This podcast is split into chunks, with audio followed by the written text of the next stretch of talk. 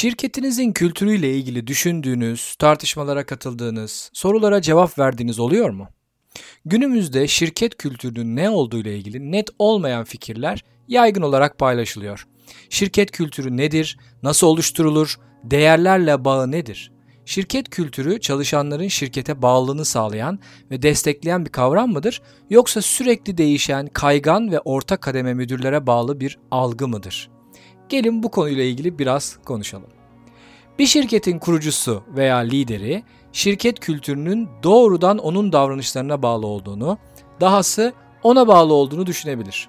Girişimci firmaların ilk dönemlerinde herkesin herkesi tanıdığı ve kurucunun neredeyse tüm süreçlerde yer aldığı ilk dönemde kültür kurucunun yaklaşımlarıyla ilgili oluşabilir.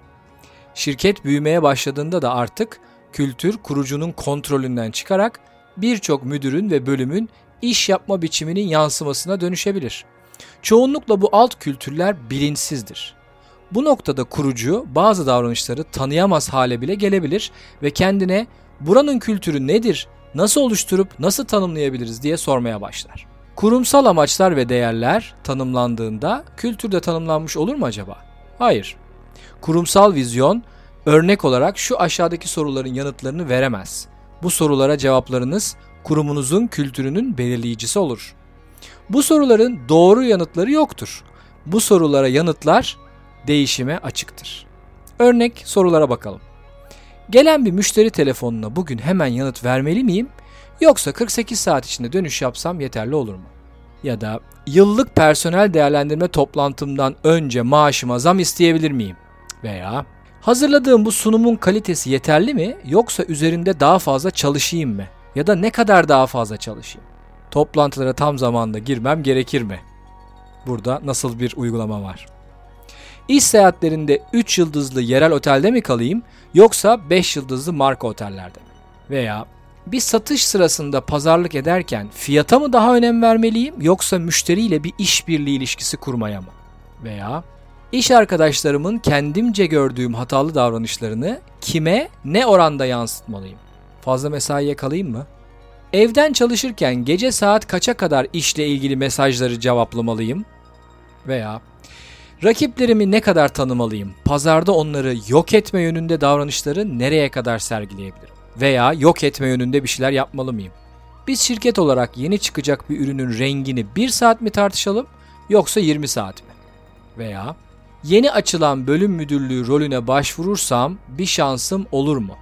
Bir çalışan olarak şirkette bir şeylerin gerçekten doğru gitmediğini düşünüyorsam bunu kime nasıl iletebilirim?